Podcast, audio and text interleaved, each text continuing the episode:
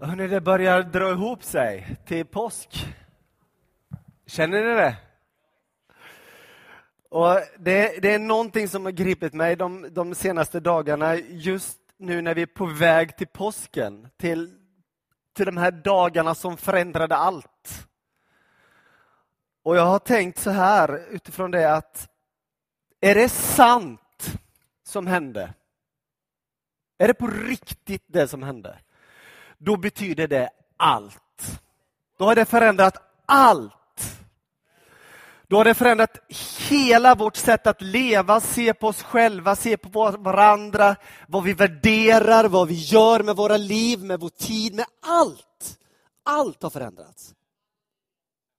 Är det inte sant, då, då är det inte sant. Då betyder det ingenting. Men jag skulle ändå vilja vara här även om det inte var sant, för jag tycker så gott att vara med er. Men det enda som det inte kan betyda i det här mellanmjölkens land, ni vet, allt ska vara lätt och lagom. Det är, det är att det är lite, lite lagom. Att han har dött och uppstått och ja, jag har lite Jesus också med mig i mitt projekt. Du vet, det finns inte utrymme för det i Bibeln. Det gör inte det. Det är allt eller inget. Allt eller inget. Dagarna som förändrade allt. Förra söndagen så var jag uppe i Gävle tillsammans med min eh, yngsta dotter och jag älskar att vara med min yngsta dotter. Jag älskar att vara med alla mina döttrar men ja, det är gott att vara med henne. Vera heter hon. Men ni vet, jag längtade hit till gudstjänst och få vara tillsammans med er. Och, och någonstans så kände jag, jag vill inte missa det här, för Gud gör så mycket bland oss just nu. Eh, som jag inte vill missa. Jag vill ta, vara del av det.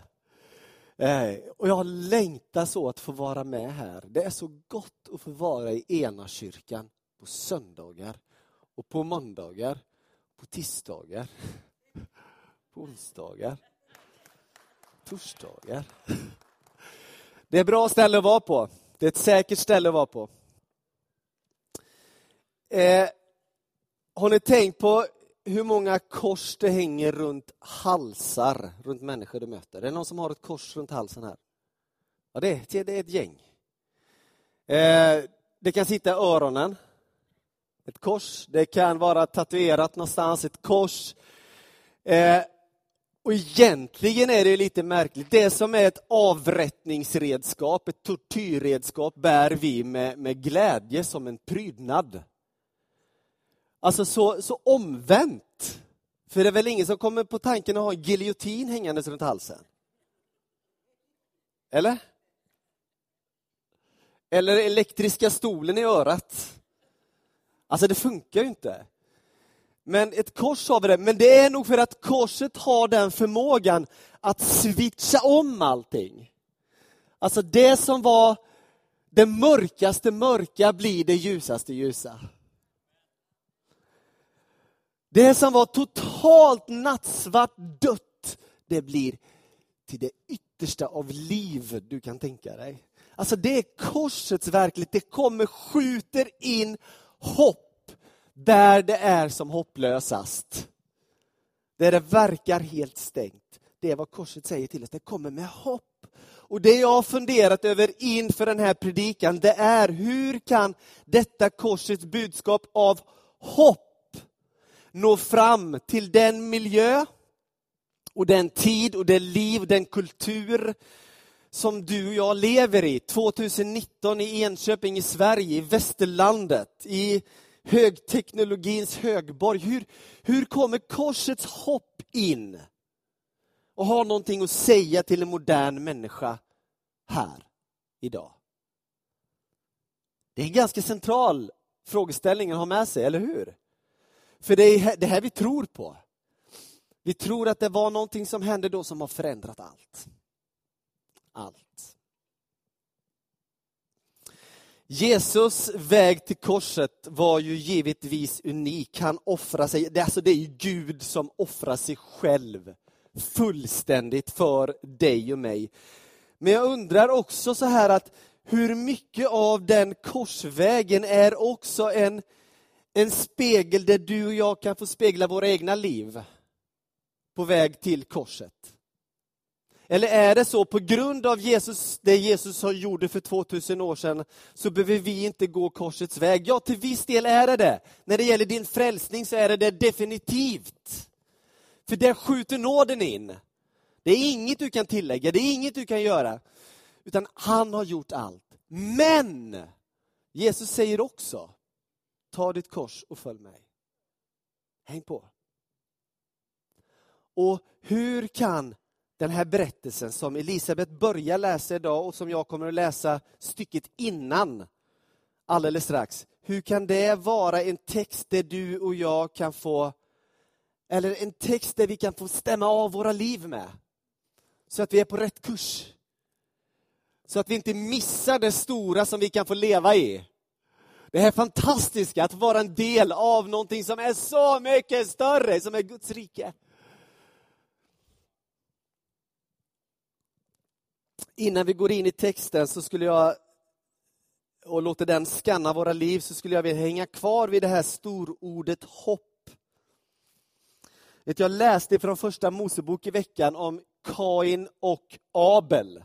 Känner ni till dem? Kain hade dödat sin bror Abel. Och utifrån den händelsen så inträder det någonting som, som är fruktansvärt. Det står så här i bibeltexten att det som kommer att följa på det här på grund av det som har hänt, det är en rotlöshet och en rastlöshet. Hörde ni? Rotlöshet och rastlöshet kommer att följa. Och det är lite grann detta som den här prediken kommer att handla om. Hur vi kan eller hur korset, det som förändrar allt, har en förmåga att skjuta in hopp i en kultur som bygger väldigt mycket på en rotlöshet och rastlöshet. För jag tror att det lever kvar, det som var ifrån Kain och Abel. Vi lever i en tid där människor lever med en rotlöshet och en rastlöshet. Och jag vill mena att där har vi någonting som förändrar allt.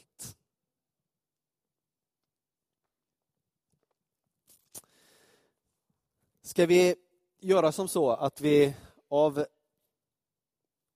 respekt inför Guds ord så står vi upp när vi läser från evangeliet.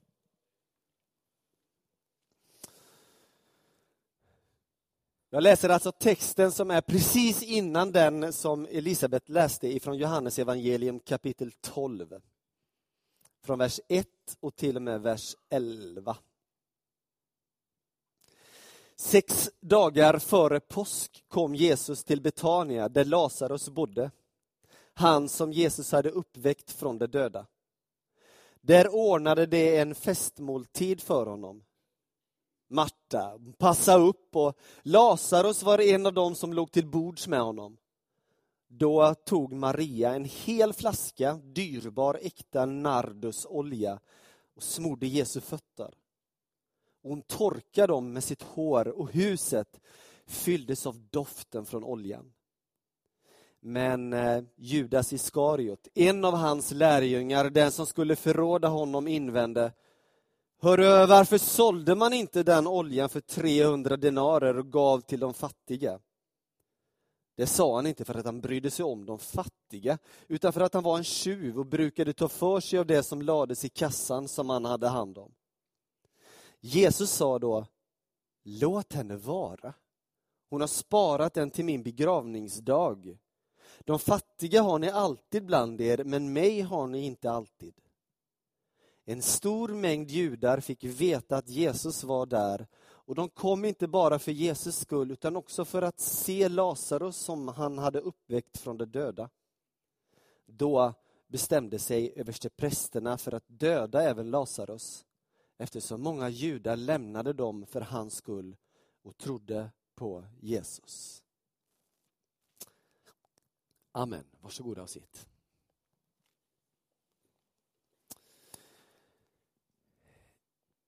Åtminstone jag säger åtminstone vid tre tillfällen så tror jag att Jesus upplevde någon form av existentiell eller eh, du vet, sån här kris i sitt liv. Eh, det första stället jag tänker på när det gäller detta är i Johannes 6, ni vet när, när Jesus står inför en stor skara med människor och han börjar tala om vad det kostar att följa honom. Och Det leder till att i princip alla i den här tusenhövdade skaran lämnar Jesus, går därifrån. De vill inte vara med honom, de följer inte. Och Jesus säger, inte vill väl ni också gå? Till vem skulle vi gå, Herre, säger Petrus. Men eh, tänk er, jag, börjar, jag bara funderar över, tänk om jag vore den, tänk om jag hade varit Jesus och stått här idag och predikat för er och nu, precis, hade ni gått. Eh, det hade blivit en kris i mig, ska jag säga. Och jag tror att Jesus hade någon form av kris i ett sånt tillfälle. Tänk, han som var vägen. var något som de lämnade, de ville inte gå den vägen. Den andra av de här kriserna tror jag var ungefär vid det här tillfället som vi läste om just nu. Det står lite längre fram i den texten att, att Jesus vet om att folk kommer inte tro på mig. Jag tror att det utlöses någon form av kris i Jesu liv när folk inte ville tro på sanningen. Han var vägen, sanningen. Den tredje gången jag tror att Jesus hade en enorm kris i sitt liv är i Getsemane, som är lite, typ fem dagar framåt ifrån den här texten. Eh, I Getsemane och vid korset, där ni vet, han som är livet blir tagit livet av. Alltså man tar hans liv.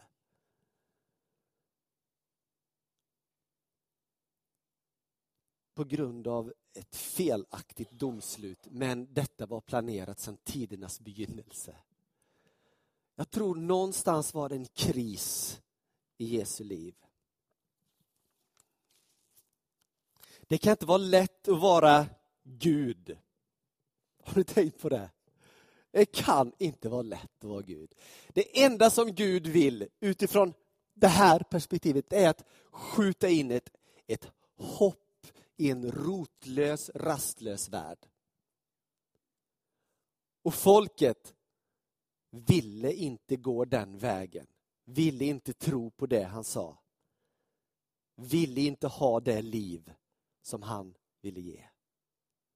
Det måste vara svårt att vara Gud. Men inte omöjligt, för Gud är ingenting omöjligt. I den här texten som vi har läst idag, ifrån Johannes 12, så är det tydligt att det är två stycken eh, delar eller episoder om du så vill. Dels är det det här stycket jag läste där Jesus söker upp sina vänner Maria, Marta och Lazarus. Och detta leder sen fram till att Jesus rider in i Jerusalem, det som vi normalt tolkar eller läser in i palmsöndagens texter. Alltså ni vet, han åker in och han hyllas som kung där han kommer, ridandes på en åsna. Vi ska börja i den första episoden. Vad gör Jesus mitt i om det nu är så, vilket jag tror, den kris som han upplever? Jo, han söker sig till sina vänner. Märker ni att han gör det? Han vet att han ska rida in i Jerusalem. Och han vet vad som ska hända. Jag är säker på att tankarna går runt i hans hjärna. Vad gör han? Han söker upp sina vänner. Ni här. Han söker upp sin gemenskap. Jag tror att Maria, Marta och Lazarus betyder någonting var och en för sig och det kommer jag strax att komma till. Men jag tror också att de betyder någonting som gemenskap. Vi behöver, behövde Jesus söka upp gemenskapen för att gå korsets väg. Så ge det på att vi behöver det om vi vill gå korsets väg. Vi behöver församlingen. Men jag tror också att vi behöver den mindre gemenskapen.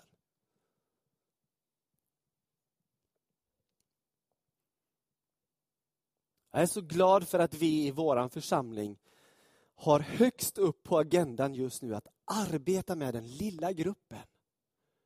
Hur bottnar vår församling i att vi är små, små eldar som träffas regelbundet. Som är grupper som Jesus söker upp av Marior, Martor och Lasarsar. För att sedan komma tillsammans i den större gruppen och bara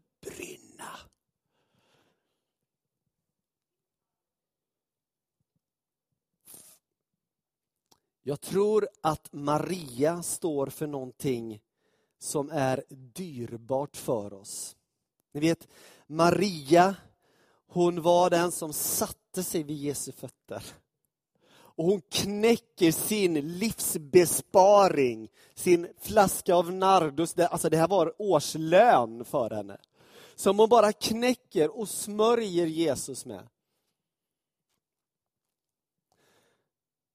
Traditionellt sett så är det här den, den ultimata bilden av tillbedjan vi har här. En Maria som bara vill vara inför Guds ansikte. Hon vill ge det bästa hon har till honom. Vet ni, jag tror på en, en gemenskap, en grupp av människor där den här tillbedjan är i liv. Det enda bästa vi har, det vill vi ge till Jesus. Och vi, vi bara älskar att få vara inför hans ansikte.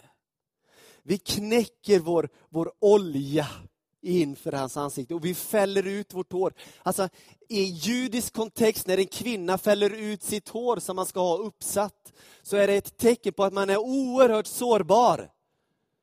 Alltså det är en sårbar tillbedjan, du vet, där man öppnar sig själv fullständigt. Och den form av tillbedjan har alltid åkt på kritik. Vore det inte bättre? Eller? Var det inte så det lät? Vore det inte bättre? Jag bara säger, vi ska inte lyssna på den rösten. Utan vi ska vara i den här tillbedjan. För jag vet att den tillbedjan sprider en doft. Det står att den doften, väldoften, fyllde hela rummet. Ni vet när människor kommer in här och vi är i tillbedjan, tillbedjan fyller hela det här rummet. Det händer någonting som inte vi styr över. Men för att Gud är här. Och för vi har satt in vårt fokus för att vara inför hans ansikte. Det är vad Maria står för. Jag tror på en gemenskap där det här är i liv. Men jag tror också på en gemenskap där ni vet, jag tror att den här boken är otroligt progressiv. Och Det står ju så här att Jesus sa att Låt henne vara, de fattiga har ni alltid ibland, mig har ni inte alltid. Jag tror vi kan vända på det idag och säga att vi vet att Jesus har vi alltid bland oss, genom den helige Ande. Men de fattiga har vi inte alltid. När vi kommer till himlen är ingen fattig. Men just nu har vi de fattiga ibland oss. Och den högsta tillbedjan, tror jag, är att ta hand om våra fattiga. Och ni vet, de finns i Enköping. Hur ser det ut när vi är en församling som sträcker våra händer till Jesus, men inte är rädda för att ta hand om de fattiga? Tror du det skickar in ett hopp i en rotlös, rastlös värld? Jag tror det.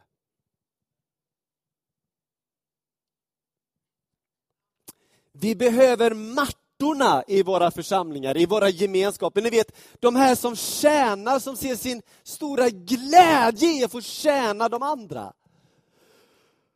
Jag finns här för att tjäna, för dig. Ni vet, Jesus söker upp den gemenskap där Marta finns. Det var så i texten, det är fortfarande så idag. Jesus söker den gemenskapen. Och ibland så är det som så att man är inte riktigt med i det här med tjänande, utan man åker lite snålskjuts på alla andra i en församling. Andra som drar väldigt, väldigt mycket och en själv som inte gör så jättemycket kanske. Jag vill inte lägga skuld på någon, absolut inte. Känner du det så, så borsta bort det, för det här handlar inte om det. Men missa inte att vara en gemenskap som Jesus söker upp. Där vi tjänar varandra, där vi tillber. Men där finns också Lazarus, eller hur?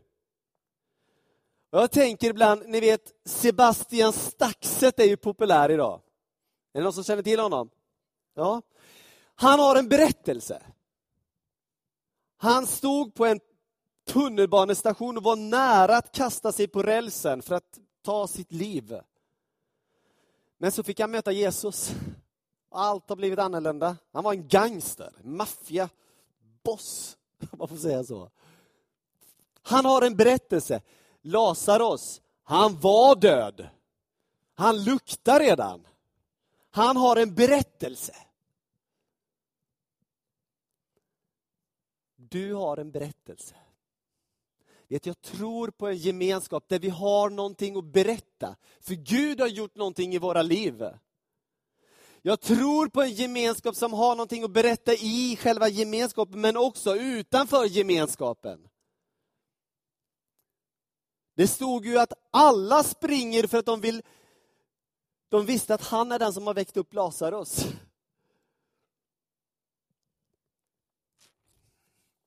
Är ni med på vad jag snackar om? Eller? Jag vet inte, det är alldeles tyst. Bra. Bra, bra, bra.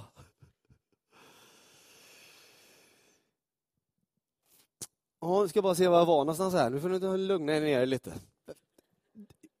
De här tre sakerna, tillbedjan, betjänandet av varandra, att vi har berättelser att dela. Jag tror på den lilla gemenskapen där detta är i funktion. Där vi tillber, där vi betjänar varandra och där vi har saker att berätta för varandra. Vi lever nära. Och vet du, jag tror att en sån gemenskap söker Jesus upp. Varför? Ja, inte bara för gemenskapens skull, utan för att ha en korsvandring att gå. Precis som du och jag. Vi har en väg att gå, men för det behöver vi denna, denna rot som vår gemenskap är. Och jag vet att den gemenskapen, den är född där på Golgata. Och Den har en förmåga att kunna vara med och bidra till att allt blir förvandlat. Sen sker det ett skifte i texten när, när, Jesus, när Jesus rider in i Jerusalem. Han lämnar sina vänner. Han är inte bara i församlingen, han är inte bara i den lilla gruppen. Utan han har en mission, han har ett uppdrag. Han har ett Golgata. Precis som du och jag, vi har ett uppdrag, alla människor utanför församlingen. Hallå? Vi har en berättelse till dessa människor.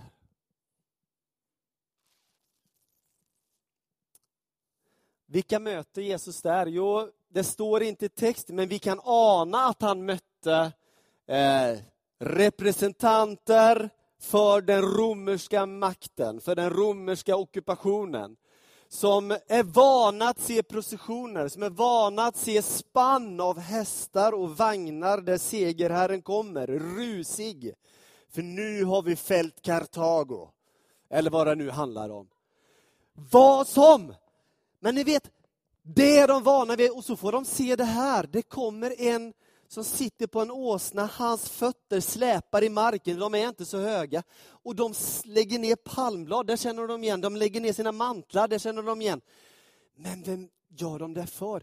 De tycker säkert det här var patetiskt. Så löjligt. Vad är det här för någonting? Men ni vet, Jesus är så annorlunda. Han kommer ju underifrån. Hela, hela, hela, hela tiden. Han kommer på ett helt annat sätt än vad världen gör. Som kommer med sin makt och med sin pompa och sitt ståt. Jesus kommer underifrån. Men han har någonting, för han har varit hos sina vänner och han har varit där och mött på tillbedjan. Han har varit där och han har smakat betjänandet. Han har varit där och hört berättelsen. Han vet, han vet vad den här rotlösa, rastlösa världen behöver. Han vet. Vi har säkerligen de här fariseerna och de skriftlärda, ja det vet vi att de var där. Det står så i texten. de religiöst säkra, de religiösa helt enkelt. Och de missar alltihopa. De vet precis hur det ska vara för de har sin lilla box av religion eller tro eller vad man nu vill säga. Men de vet precis hur det ska vara. Och de missar alltihopa. Och här upplever jag att vi behöver en helig ande i våra liv så att vi inte i vår egen säkerhet missar alltihopa.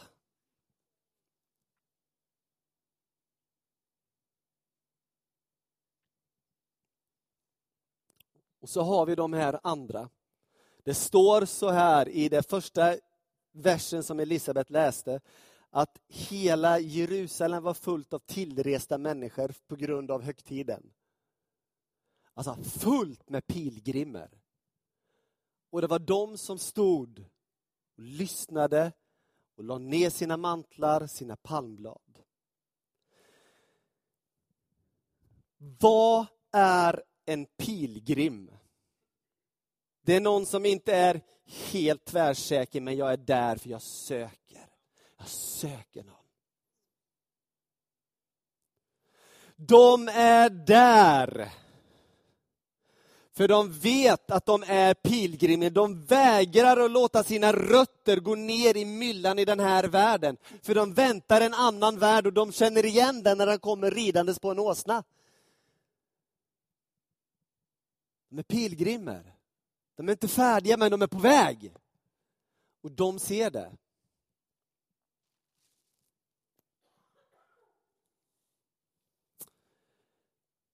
Jag tror på den gemenskapen. Där vi träffas, där vi tillber, där vi betjänar, där vi berättar för varandra. Vittnesbördet är levande. För att funka orka, vilja passionerat, precis som Jesus, gå ut och berätta. Så att folk känner igen vem det är som har förändrat allt. Jag tror på den gemenskapen och jag känner av den här inne. Får be att ni ställer er upp och bandet eller lovsångsteamet kan komma upp.